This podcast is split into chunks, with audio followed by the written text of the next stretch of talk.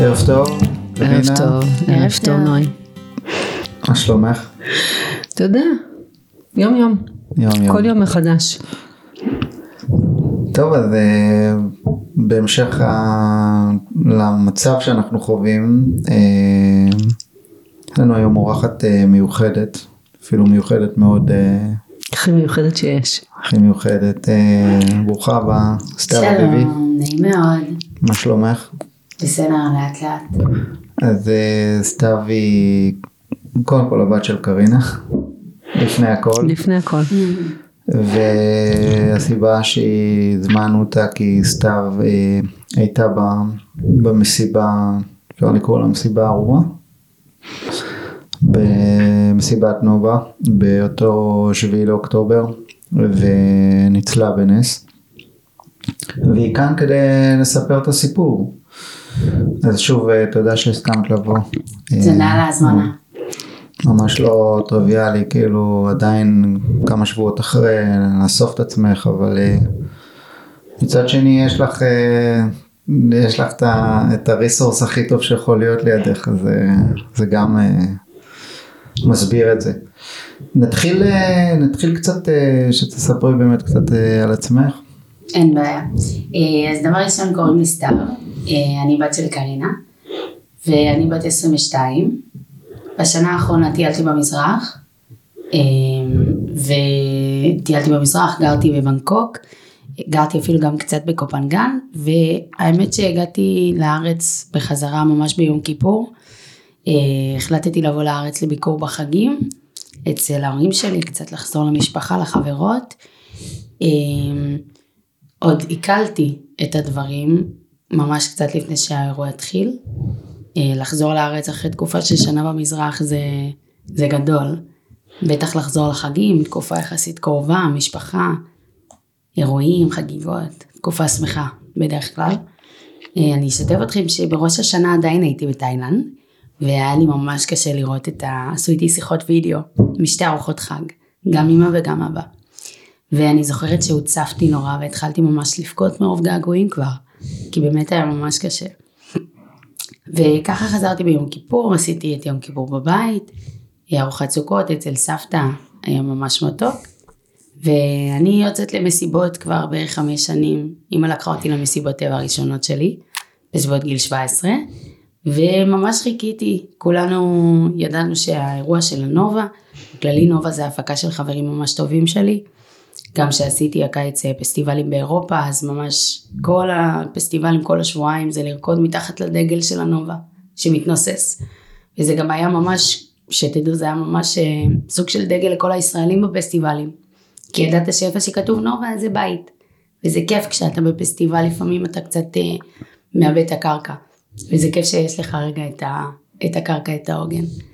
אז הם כאלו לגמרי.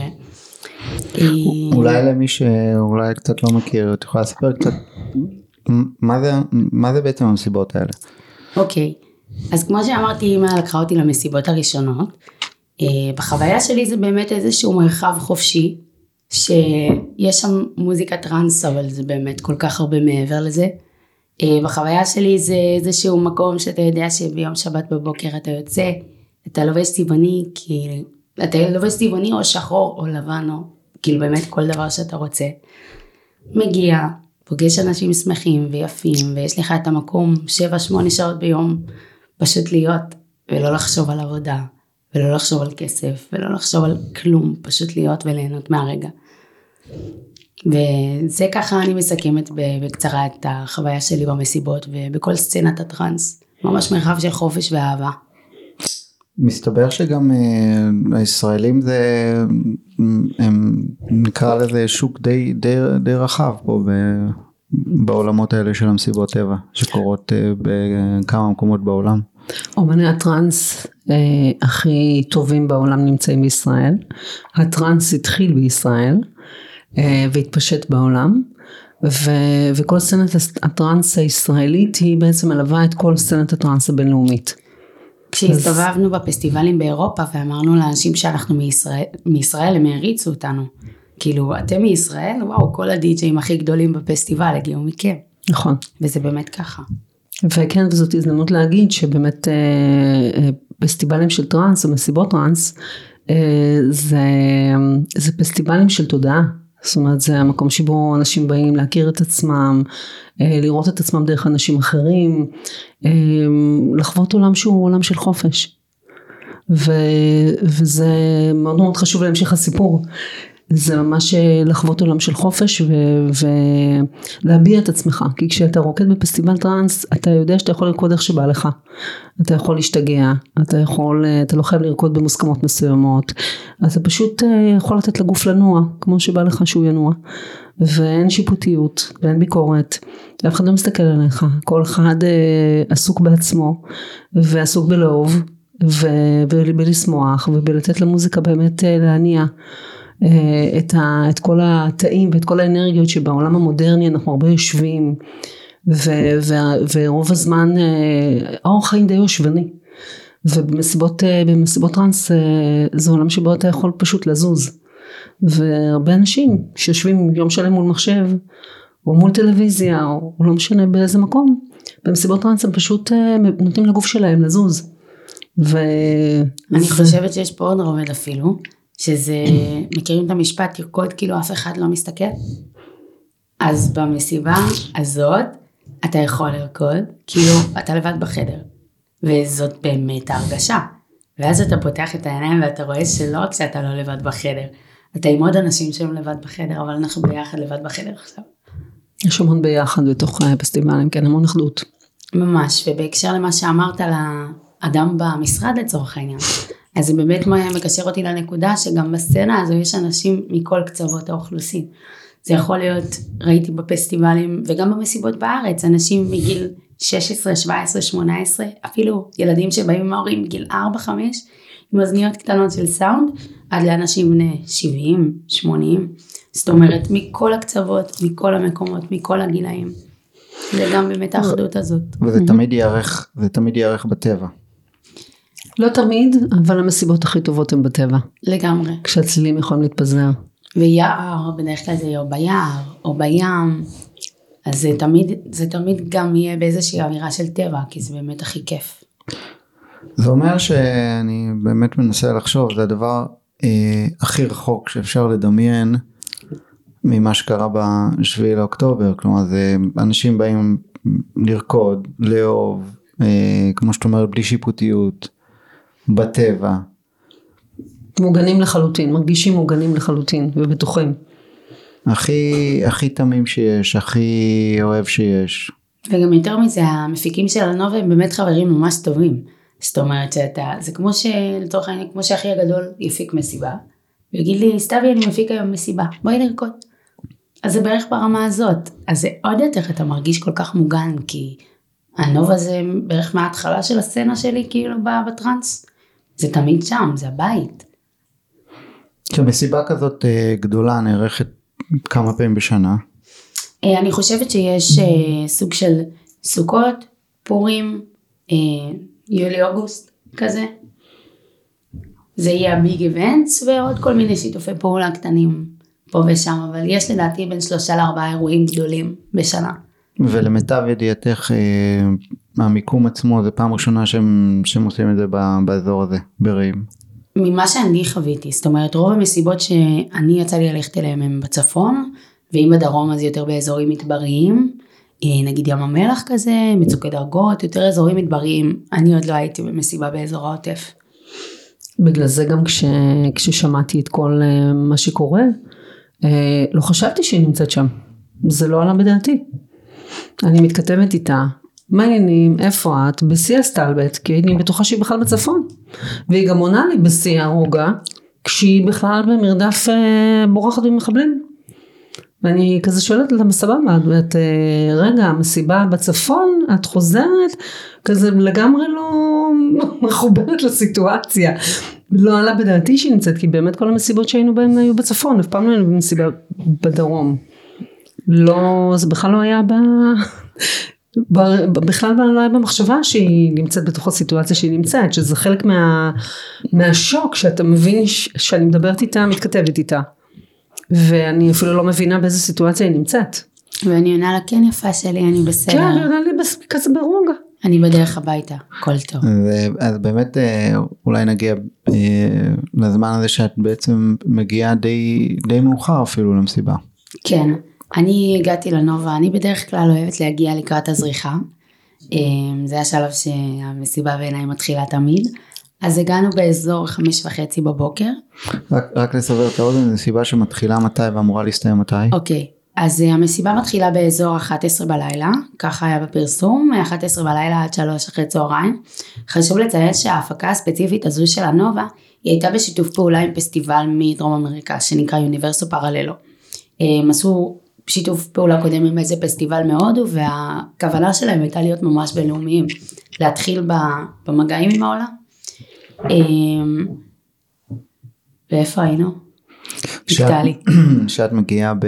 שאת אוהבת להגיע יחסית אה, קרוב לזריחה. כן, אמ, והתחלתי להגיד על היוניברסו כי זו באמת הייתה מסיבה ממש גדולה ש, שחיכיתי לה ממש, הגיעו אומנים מכל העולם, תראה זה כמעט 16 שעות lineup, לא? 16-17 שעות, מ-11 עד 3, כן. כן, 16 מסיבה שעות. ממש ארוכה ומושקעת, שתי רחבות, כאילו אזור של אה, תכשיטים, אזור של יוגה וממש מושקע. אז בסביבות חמש וחצי הגענו בבוקר, אה, אני מגיעה מאזור חולון, זה היה באזור רעים, אני זוכרת שבדרך כזה ראיתי שלטים של נחל עוז, ואמרתי למי שהיה איתי באוטו, "אה, אחי הגדול שירת כאן בנחל עוז, והמוח בזמנו עוד לא עשה את הנחל עוז מסיבה, שירת פה צבא, פצמ"רים, זה עוד לא קרה. מגיעים בחמש וחצי, אה, וכמו שסיפרתי קודם, אז אני בשנה האחרונה גרתי במזרח, אה, ובאמת המסיבה הזו זה היה כמו פגישת מחזור מבחינתי. שראיתי חברים מהטיול שלי בהודו, וראיתי חברים שהכרתי בפסטיבלים באירופה, וראיתי חברים מהבית ספר ומחולון, וממש כאילו מיקס של כל האנשים שאני מכירה. ומחמש וחצי עד שש, אני לא הצלחת ללכת צעד, בלי שמישהו תפס אותך לחיבוק. ובדיעבד, בחצי שעה הזו היו לי בין חמישה לשישה חיבוקים אחרונים עם חברים, שמה זכיתי לראות פעם אחרונה. אמ, אז אנחנו ככה אומרים שלום, שלום, שלום, והייתה לי, הייתה איתי חברה שהיא לא כל כך, זה המסיבה אולי השלישית שלה. ובשלב מסוים היא עשתה לי מבט כזה של, טוב, די להגיד שלום לאנשים, בואי נתקדם. אז אנחנו מניחות את הדברים ומתחילות להתקדם לכיוון הרחבה. אולי רקדתי עשר דקות, הייתי צריכה ללכת לשירותים. הלכתי לשירותים ולחברה שלי היה חם, היא לבשה איזה, איזה ג'קט והיא רצתה לשים אותו במקום. אז הלכנו לשים אותו במקום ובשנייה שהיא מתכופפת מתחיל, מתחיל ברמקול הגדול צבע אדום. ואנחנו לא מבינים מה קורה ואנחנו מתחילים להבין שאוקיי עוטף עזה, שוב אני לא גרתי בארץ בשנה האחרונה, הכי רחוק מכל דבר שיכולתי לדמיין. אמ, יש להגיד גם שהייתי ג'ובניקית בקריה, אז ככה שלא יצא לי לחוות, כאילו, יצא לי לחוות מלחמה בשירות, אבל מהמקום המשרדי, לא בשטח או משהו כזה, וכל החיים גם גרתי במרכז. ואני מתחילה להבין שצבע אדום, מסיבה בעוטף עזה, טוב באסה, כאילו, כנראה שהלך הנובה, באסה, איפה ממשיכים לרקוד? כאילו, היה מלא מסיבות באותו יום, סוכות, זה המומנט, איפה ממשיכים? טוב, ואנחנו רואים בעצם את כל, ה, את כל הרחבה מתפזרת, אנשים הולכים לקנטות, שזה איפה שכל התיקים ואוהלים. ואנשים מתחילים קצת להתבלבל, ואתה שומע את ההוא צועק להוא, אחי, אני בורח מכאן. ואנשים אחרים שעוד ברחבה, וממש המאבטחים שעוד היו שם ממש ניסו לפנות את האנשים. אבל לאן תפנה אותם? כי לא כולם כשירים לעלות עכשיו לרכב. אה, ובאופן כללי, לאן תפנה עכשיו 3,500 אנשים? מטילים. אז בשלב מסוים פשוט אנשים חיכו ליד האוטו, אה, התחילו גם לפתוח כיסאות וכאלה, ואנחנו היינו בסוג של מצב שאנחנו מתלבטים. כי מצד אחד אנחנו רוצים לעלות לרכב ולנסוע, אבל מצד שני זו סיטואציה קצת מורכבת, כי טילים, אה, לנסוע, אז אה, זה היה מורכב, ובסביבות שבע ורבע, זאת אומרת לקח לנו 45 דקות, בין שש וחצי שכל הטילים התחילו, לבין הרגע שבו נכנסנו לאוטו ויצאנו. אה, עכשיו חשוב לציין שזה עניין של שניות. זאת אומרת, באותם מקומות שאני נסעתי, בגדול המזל שלנו זה היה שהאקס שלי שהיה איתי ברכב, הוא שירת בגולני. והוא היה בקו אז ארבעה חודשים. אז הוא הכיר את השטח, הוא הכיר את התוואי שטח. והוא פשוט פתח גוגל מפות, ראה איזה שביל צדדי, אמר בשם השם נעשה ונצליח, ופשוט הניע את האוטו. כי ראינו שבתוך הפקק הגדול לא כדאי לנו להישאר יותר מדי זמן, לא הבנו עדיין מחבלים. אבל פצמ"רים, טילים, בשלב הזה אתם לא שומעים אה, יריות או לא יודעים כרגע על אה, מחבלים, אה, לא. אנחנו פשוט, לא יודעים על מחבלים, אנחנו מבינים שצריך לצאת מהאזור של המסיבה כרגע. אוקיי. פשוט כי זה הרבה אנשים, הרבה מתכות, בלאגן, הרבה רכבים, בלאגן. ותוך כדי שאנחנו יוצאים מהשביל הצדדי, אני נמצאת בקבוצה של הבליינים, של הנובה. ואנשים מתחילים לכתוב דברים. לא לנסוע מכביש 4, יש חדירת מחבלים, מישהי שולחת סרטון מהחלון של הבית שלה. ועוד לפני שהתחילו לשלוח דברים כאלו, שרק היה טילים, איזה מישהי כתבה בקבוצה, בוקר טוב חברים, זה מה שיש אצלנו בדרום, ברוכים הבאים לדרום, סעו בזהירות הביתה. יעני הכי בנונשלנט, עוד לא הבנו בכלל את הדבר. ותוך כדי שאנחנו נוסעים ואני קוראת את הדברים שכותבים בקבוצה, אני לא ארחיב יותר מדי, אבל בוא נגיד שהתחילו תיאורים פשוט של מה שקורה ואנשים שמבקשים עזרה ופשוט אף אחד לא מגיע לעזור. ואנשים שולחים מיקום ובשלב מסוים, טוב רגע אני ממהרת. אז תוך כדי שאני בורחת אני רואה, אני מתחילה לראות את, ה, את הדברים האלה בקבוצה ואני מבינה שכדאי לי לשים כרגע את הטלפון בצד כדי שזה לא ישבש לי את התודעה. ואנחנו מגיעים למחסום עם שוטרים, קצת מראות פחות נעימים, אה, ואנחנו נוסעים לכיוון שדרות, ואז אנחנו רואים במקרה חבר שמכוון אותנו אחורה משדרות, היו שם כמה פרסות במהלך הדרך, שזה ממש, כל פרסה היא בעצם שסובבו אותי מהכיוון שבו היו המחבלים. דלתות מסתובבות. דלתות מסתובבות, היו בערך ארבע כאלה במהלך הדרך שלי, עד שהגעתי הביתה בתשע בבוקר. זאת אומרת שהבריחה ארכה שעה וארבעים וחמש דקות, משבע ורבע עד תשע. זה, זה סיפור הבריחה. אני יכול רק אה, לחשוב על, אה, את אומרת דלתות מסתובבות, אבל אה, איזה באמת מזל מטורף, גם בבחירה של הכבישים וכולי, שבעצם את נמצאת באמצע האירוע, ו- ובמהלך הנסיעה את בעצם רואה בקבוצות ש- שקורים דברים אה, חמורים מאוד. מה, מה את שומעת מה, מהמסיבה בעצם? אה, אני שומעת שיש אה, סיטואציה, אני מתקשרת לחברה ואני שואלת אותה מה איתך, והיא אומרת לי אני לא יכולה לדבר, ביי, והיא מנתקת. ואני מתקשרת לעוד חברה, ואני שואלת אותה מה איתך, והיא אומרת לי אני לא יכולה לדבר, ביי, והיא מנתקת. ומתחילים לראות בקבוצה, כמו שאמרתי, קריאות לעזרה, ופתאום אותם, כל החיבוקים בהתחלה, בכמה דקות הראשונות, בחצי שעה הראשונה של המסיבה, התחלתי להבין כמה אנשים שאני מכירה נמצאים בסיטואציה הזאת, וכמה אנשים כנראה לא הצליחו לצאת מהפקק הענקי. אתה פשוט מתחיל לעשות, חבר את הנקודות ו... ולחבר נקודות לא טובות. וזה היה שלב, זה היה עוד בבוקר, נגיד בתשע. אני חושבת שזה היה, אלו היו היומיים, היום, יומיים, שלושה ראשונים הכי אינטנסיביים, כי אנחנו שמענו דברים שהמשפחות לצורך העניין עוד לא ידעו. אמ, אנשים שאנחנו יודעים מה גורלם, שהמשטרה לצורך העניין עוד לא יודעת. אז היינו גם בכל כך הרבה מלכודים בינינו לבין עצמנו. התחלנו, ל... זה השלב שנראה לי בו התחלתי קצת ללכת לאיבוד. כשחזרתי הביתה, ו... אבל גם כשאת מגיעה בשעות האלה את עדיין לא, לא קולט בכלל מה גודל האירוע שום דבר. ואני מנסה אה, לחשוב, את- אה, קרין את תיארת בעצם סיטואציה שאת בעצם לא ממש יודעת שהיא, שהיא נמצאת שם אבל אני אה, היו המון המון תיאורים של הורים שהיו מול, מול, מול הילדים ואני מנסה לחשוב מנקודת מבט של הורה שיודע שה, שהבן שלו נמצא בסכנת חיים. אפשר בכלל, אה, אני חושבת, אה, לדמיין את זה. באמת שאי אפשר לדמיין את זה. אני חושבת שמישהו שם למעלה חס עליי. אני לא יודעת איך הייתי מתמודדת אם הייתי יודעת באיזה סיטואציה נמצאת. באמת. אני חושבת שזה שלא ידעתי באיזה סיטואציה היא נמצאת ושמעתי אותה כשהיא אחרי, אפשר לי להיות מספיק אה, חזקה בשבילה כשהיא תבוא.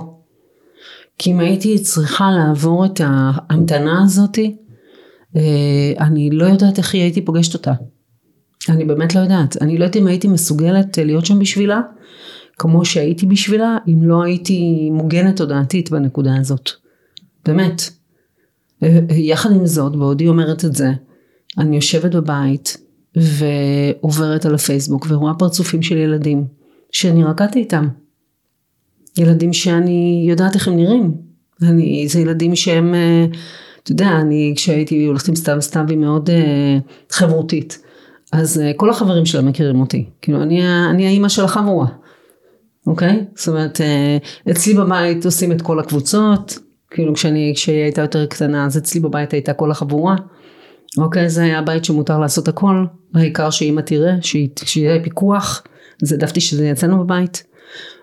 והבית שלנו היה הבית של החבורה. ושהיינו הולכים למסיבות, אני זאת שהבאתי אותה למסיבות. זה, זה אנשים שהיו שם, זה אנשים ש... אתה יודע, זה טייפקאסט שאני מכירה.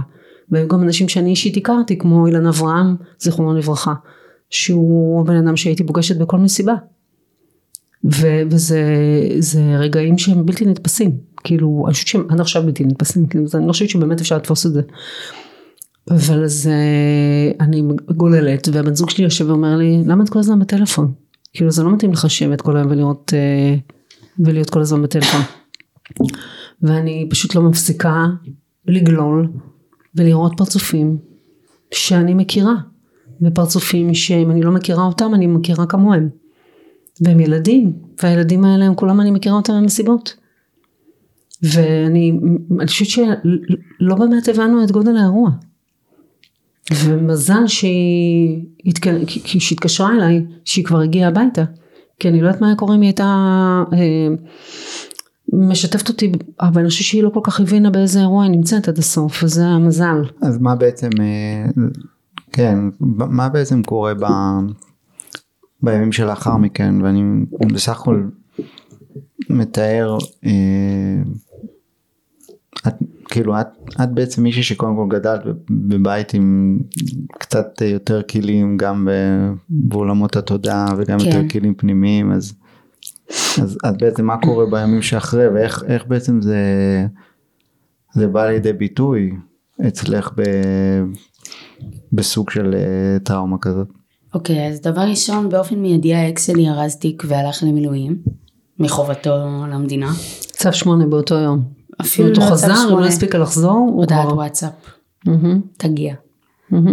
אמ, מיד כבר ביום השני לדעתי גילינו על השמות הראשונים. וזה פשוט היה רצף של שבוע וחצי של הלוויות. אני בחיים לא הייתי בהלוויה לפני הנובה. ומצאתי את עצמי באיזה שמונה, שמונה הלוויות בשבעה, שמונה ימים. זה היה יום שהרגיש כמו יום חוזר על עצמו, כמעט במשך חודש, אבל בשבועיים הראשונים לגמרי, כי כל בוקר קמנו להודעת לוויה חדשה. חלק מהימים היו שתיים ושלוש, ובחלק מהימים היית צריך לבחור מי חבר יותר קרוב שלי, שאני אלך להלוויה שלו, כי חלק מהזמנים התנגשו. זה היו ימים שהייתי מגיעה לאמא בסוף היום, אחרי ש... כל היום ניסיתי לחזק אנשים אחרים, התפרקתי בעצמי, הלכתי להלוויות, קברתי חברים. הייתי מגיעה לאימא מרוסקת. עכשיו, אה, אני ואימא קרינה חברות מאוד טובות וקרובות, ואימא ובת מאוד קרובות, ובאמת, היא העוגן שלי. אני חושבת שתעידי גם, אף פעם לא ראית אותי כל כך ברצפה. לא. זאת אומרת, זה היה ימים ש... כאילו אני הגעתי משנה כזאת של כל הטוב. הייתי בהודו, הייתי בתאילנד, הכרתי אנשים מדהימים, חוויתי תעצומות נפש מטורפות, מקומות יפים, אנשים טובים, אני בן אדם אופטימי ושמח, שרואה רק את הטוב בדברים. ופתאום מצאתי את עצמי אה, מרגישה קצת באשליה. כאילו ניפצו לה את האשליה. כי זה לא ש... את הילדות. זה לא שהמוות ולא היה בחיים, כאילו, זה לא שזה לא דבר שמדברים עליו, זה לא שאנשים לא רוצחים, זה... אבל uh, כאילו הרגשתי ש... שבעולם שלי דבר כזה לא יכול לקרות פשוט. כי אין בעולם שלי, אין, אין תפיסה של רוע כזה בכלל. ואני חושבת שהימים הראשונים זה היה משבר אמון, החודש, החודש, חודש, אפילו חודש וחצי הראשונים, משבר אמון קיומי וכל כך הרבה עצב, ברמה שבכיתי איזה חודש ברצף.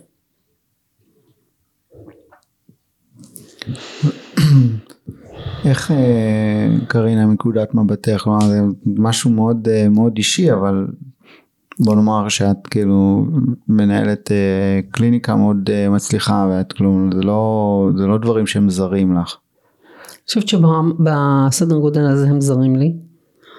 אני חושבת שאחד מהדברים שקשים בסיטואציה הזאת זה שכשאני עובדת עם אנשים על טראומה זה בדרך כלל טראומות ילדות. הבן אדם שפגע בהם כבר זקן, אין לו את הכוח לפגוע בהם עוד פעם, אה, אפשר להגיד, אה, לעשות הפרדה ולהגיד זה קרה בילדות, היום אתה מוגן. אני חושבת שאחד הדברים הקשים במקום הזה זה שזה לא המצב. ושצריך להתמודד עם המשמעויות של אה, כאן ועכשיו, זה לא התמודדות עם טראומות ילדות. ו, והמזל באמת זה שידעתי לפגוש אותה בדיוק במקומות שהיא צריכה. היה לי את הכלים להיות שם בשבילה במקומות שהיא צריכה. אני חושבת שפחות הייתי עסוקה בי, הייתי יותר עסוקה בלתת לה תחושה קודם כל שהיא בטוחה ומוגנת ושאנחנו שם. זה שום דבר חוץ מזה לא עניין אותי. ידעתי שזה מה שהיא צריכה. צריכה קודם כל להחזיר את הקרקע מתחת לרגליים. ו- וזה מה שעשינו. עזרנו לה להחזיר, להחזיר את הקרקע מתחת לרגליים בכל דרך. בימים הראשונים ישנתי איתה.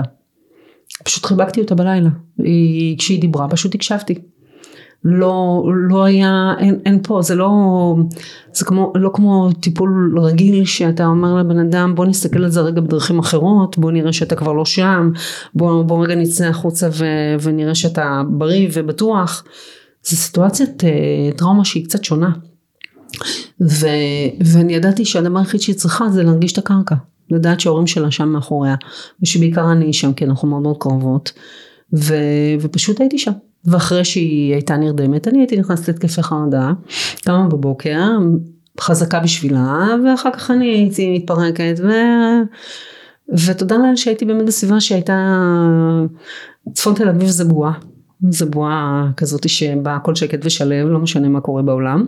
אז הייתי בתוך הבועה הזאת והסתיו הייתה נכנסת עם, ה, עם מה שהיא מביאה לתוך הבועה.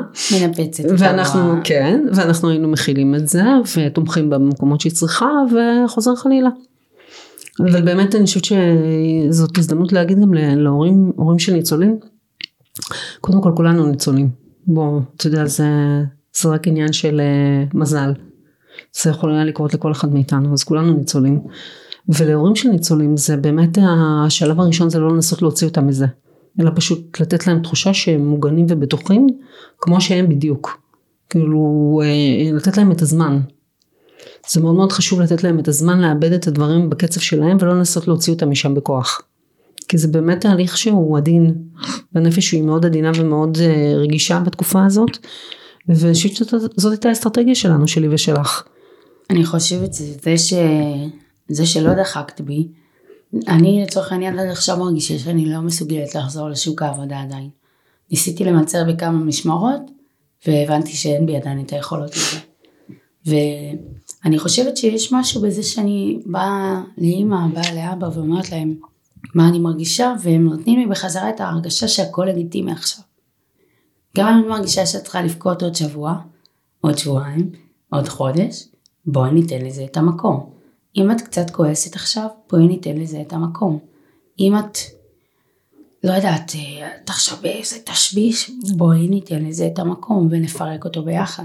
אני חושבת שאחד מהדברים הכי משמעותיים עבורי היו שנתת את ההרגשה שאני לא לבד, ויותר מזה שאני לא לבד, שאת יושבת עליי, אבל בקטע טוב. כי קרינה היא לא אימא יושבת, היא הכי לא, הכי משחררת וחופשייה, היא דואגת. אבל היא, אנחנו דוגלים בחופש. היא סומכת. בדיוק, סומכת ונותנת לי את החופש, ככה זו הדינמיקה שהכי עובדת לנו. ואחד מהדברים שהחזיקו אותי על הקרקע, זה גם אמא וגם אבא, שהם כל יום שלחו לי הודעה מה שלומי, שאלו אותי מה התוכניות שלי, גם כשלא היו לי תוכניות, אז היה לי נורא קשה עם השאלה הזאת לגבי התוכניות. כי בן אדם, היום אני יכולה להגיד את זה, בן אדם שהוא בטראומה, קצת קשה לו לחשוב על, ה, על עוד התוכניות. לעתיד, גם אם זה עוד דקה, גם אם זה עוד 10-20 דקות. זה היה נורא קשה לי, אבל בגלל שאימא יודעת מה צריך לעשות כדי לעזור לאדם בטראומה, לשמור על שגרה, וגם דאגה לי נורא, וגם אבא, אז זה כל הזמן היה לשאול אותי מה התוכניות שלי. כל בוקר איך אני מרגישה, לוודא איתי איפה אני הולכת לישון. בוא, זה דברים שבגלל שאנחנו כל כך בחופש זה לא היה קורה כל כך, כי באמת אין צורך. וזה מהדברים שעזרו לי לשמור על הקרקע, שהיה עליי מעקב, אבל לא אובססיבי כזה. נטו מהתעניינות ואכפתיות, ואז אם הייתי צריכה יותר, אז זה גם נתן לי את המקום לבוא ולהגיד אם אני צריכה יותר. כי הם פשוט נתנו לי ביטחון שהם כאן. אנחנו אוטוטו אה, בערך חודשיים מהאירוע, שביעי לדצמבר עוד כמה ימים, כאילו, איך, איך אנחנו פוגשים אותך היום? מה את מרגישה היום? מה... זה נורא, בעיניי זה גם נורא משפיע על, על איך רואים את העתיד, כלומר, אני לפחות יכול להגיד בחוויה האישית שלי, שבשבועות הראשונים לא ראיתי משהו שהוא נורא עתיד, אמרתי פשוט בוא נקום כל בוקר ונראה איך יהיה. כן. השלושים יום הראשונים, גם ביהדות, שלושים יום ראשונים אנחנו לא מתעסקים עם כלום חוץ מאשר להתאבל. ובאמת בשלושים יום ויום, משהו מתחיל, הערפל טיפה מתחיל להיעלם. זה, וזה קרה לי, וזה קרה לסתם, וזה קרה להרבה אנשים שאני מכירה, שהשלושים יום הראשונים אתה בערפל כזה שאתה לא מסוגל בכלל לחשוב על שום דבר חוץ מאשר על הכאב, ואז לאט לאט מתחיל האור להיכנס, ולאט לאט מתחיל, מתחילים לחשוב על, על עתיד. מכיוון שאנחנו באירוע מתגלגל ואנחנו לא באמת בסופו של האירוע, אז אף אחד מאיתנו לא באמת יכול לחשוב עתיד, כי אנחנו לא יודעים איך ייראה העתיד, או איך ייראה היום שאחרי.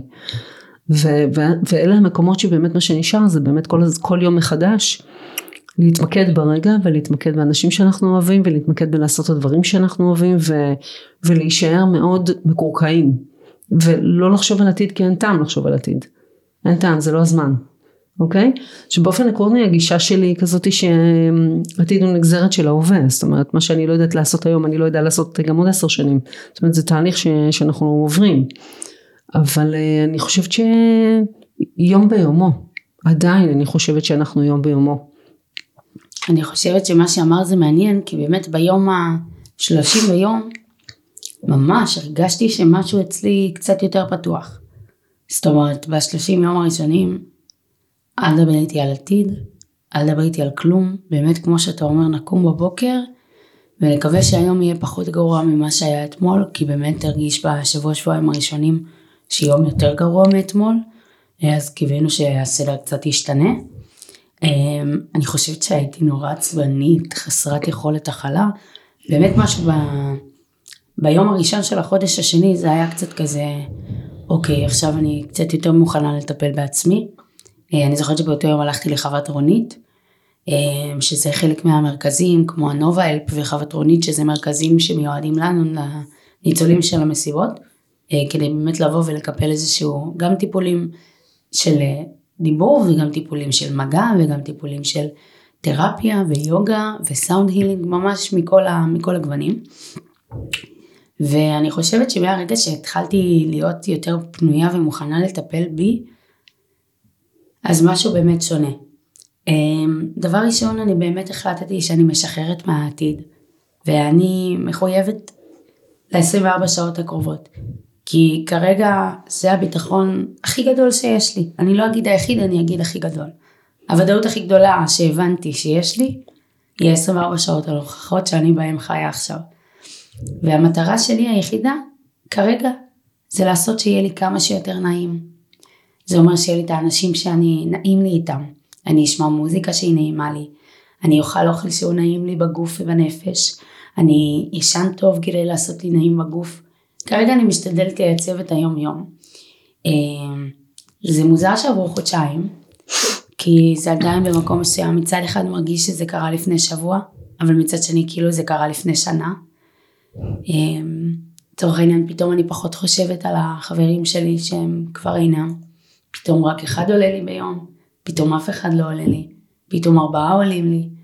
כל מיני באמת אה, תחושות אשמה היום יום קצת השכיח וטשטש.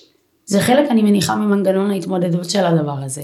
וכשאני אוכל להתמודד עם זה גם עם האובדן וה, וההבל בעוד, בעוד רובד, אז אני אגע בזה. אבל כרגע פשוט ממש יום ביומו לדאוג שהיום הזה יהיה כמה שיותר נעים עם האנשים שאני אוהבת, שאני אסיים אותו ואני יכולה להגיד וואלה, היה לי יום ממש בסדר, היה לי נעים היום. הקיום שלי על כדור הארץ היה נעים. היום זה, זה המטרה הכי גבוהה שאני מכוונת אליה. ובעתיד כמובן, לחזור אה, כמו שאני אוהבת, אה, לרקוד. לרקוד. לחיות, המטרה כן, את שלי, רואה ה- את עצמך אה, מתחברת חזרה אני, למסיבות? אני יודעת שהקיץ באוגוסט יש פסטיבלים באירופה. ואנחנו עכשיו בנובמבר. ואוגוסט זה עוד תשעה חודשים. ואני ממש מרגישה שנולדתי מחדש. כמו בן אדם שנולד מחדש, אבל לפחות עם הידע של ה-22 שנה האחרונות שצברתי. אה, אז אני נותנת לי פה עוד לידה מחדש של תשעה חודשים, בתקווה שבאוגוסט אני אוכל להרשות לעצמי להרגיש שמחה מהלב. יחד עם העצב והכעס, ולהשלים עם הכל בלי להתפרק. להיות חזקה ושלמה מול זה. כמה שיהיה ניתן. קודם כל אני חושב שזה בהחלט יעד ראוי עם כל ההבנה שלי של לחיות אה, כאן ועכשיו כולנו צריכים איזה סוג של אה, יעד שנוכל אה, לשאת אליו עיניים זה נותן לנו המון המון תקווה נכון.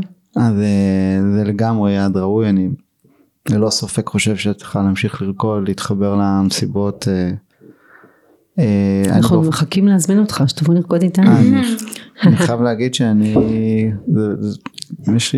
יש, בי בהחלט אה, רצון להתחבר לזה, זה כיף ממש. כן. זה כיף ממש. אני מאוד מתחברת למה שאמרת על, ה, על הלדאוג שה-24 שעות שלנו יהיו הכי טובות שאנחנו יכולים שיהיו לנו. ואני חושבת שעם עם, עם, עם זה שיש לנו יעדים רחוקים, אה, חשוב שנדאג לאיכות החיים שלנו ברגע הזה. וב-24 שעות האלה שאנחנו חיים. ו, ולפתח מיומנויות של שמחה. ולפתח מיומנויות של אה, מיצוי של כל רגע. כי בסופו של דבר זה אוסף של רגעים, החיים שלנו זה תמיד אוסף של רגעים ואוסף של ימים ו, וזה תרגול מצוין לחיות את הרגע ולחיות את ה-24 שעות הקרובות טוב כי אם נחיה כל 24 שעות טוב יהיה לנו חיים טובים נכון? לא בעתיד, בהווה לגמרי, כלומר אני, אם אנחנו מסתכלים קצת על אה, נושאים שאנחנו מדברים עליהם, אבל אה, בעיניי אה, אושר הוא מושג מאוד פלואידי, הוא מאוד חמקמק, אני לא באמת חושב ש... אבל אני כן יכול לדבר על הוויה, והמון המון דברים שאנחנו עושים, גם במסגרת הכ- הכלים הפנימיים, משפרים לנו את ההוויה, אבל ההוויה היא, היא משתנה לא מעט. אנחנו כן היינו רוצים לראות הוויה זה בעצם לדוגמה מה, מי אני עכשיו כאילו איך אני איך אני מרגיש עכשיו. אז אה, לגמרי כלומר ההוויה היומיומית מה שאת עושה מה את, מה את מתחברת אפרופו אה, אה, קהילה ומערכות יחסים שאנחנו יודעים שזה גורם מספר אחת ל... לאושר.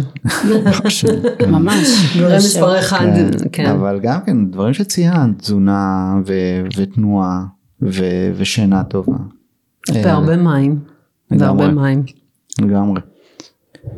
אה, סתיו אני קודם כל באמת רוצה להודות לך על האומץ וקודם כל להודות לכל מי שמאמין אם זה בורא עולם או ליקום על זה ש... שאת בכלל שאת איתנו. לא מובן מאליו שהיא איתנו, הייתי וכן, רוצה לומר עוד משהו קטן לפני שנגיע לסיום. אני רוצה לומר שדבר ראשון אני יושבת פה באמת, אנחנו לא יודעים בדיוק למה, אבל זה באמת הודיה ומתנה גדולה. והייתי רוצה להקדיש את הפרק הזה לכל החברים שלי שהם אינם, והם לצערי לא שרדו את אירועי השביעי לעשירי. אה, ואני חושבת שבאמת המטרה שלנו, של כל אחד ששומע את זה, זה להפיץ את האור. לי יש קעקוע של מגדלור על היד שעשיתי לפני איזה שנתיים שלוש, ואני אבקש מכל אחד להיות המגדלור של עצמו, של הסביבה שלו, של הקרובים, כי זה מה, ש... זה מה שהילדים היפים שלנו שנפלו בנובה, זה היה כל מה שהם. הילדים הכי טובים, נכון. אוהבים, שמחים, פתוחים, מקבלים, יפים. יפהפים, ואני חושבת ש... שומעות יפות היום ממש. חברה אמרה שממש הצוואה שלהם היא שאנחנו נמשיך להפיץ את האור, להאמין בטוב. אני בהתחלה בחודש הראשון הייתי כל כך פסימית, זה קל ליפול למקומות האלה. נכון. ובאמת ככה ממני למי שישמע את זה, להצליח להתעלות על המקום הזה ולהאמין באהבה. ואם קשה לנו לבד אז לחבור לאהבה עם אנשים אחרים ולהיות בה ביחד ובאהבה ובאור כי זו הצוואה שלהם ואני מקדישה את כל זה ליקרים שלי ומבטיחה להמשיך לה, להפיץ את האור כמה שאפשר. לצאת מהחושך לאור. אמן. ואני רוצה להגיד שאני מודה על הזכות להיות אימא שלך. תודה לך. תודה לך טוב, אה, אחרי זה לא... נוי נחנק פה. לא, לא. נותר להוסיף דבר. אז, אה, אז תודה, ותודה שוב למאזינים שלנו, גם החדשים, גם הוותיקים, אה, שהיו איתנו ומלווים אותנו, וכמובן גם לציין שיש את קרינה ויש את הקליניקה שלה, ואנחנו נמשיך אה, לעשות פודקאסטים ש... שיעשו טוב, ויפיצו את טוב, האור. יפיצו אור, בהחלט. מהמם. ותודה רבה. תודה רבה. תודה רבה. תודה.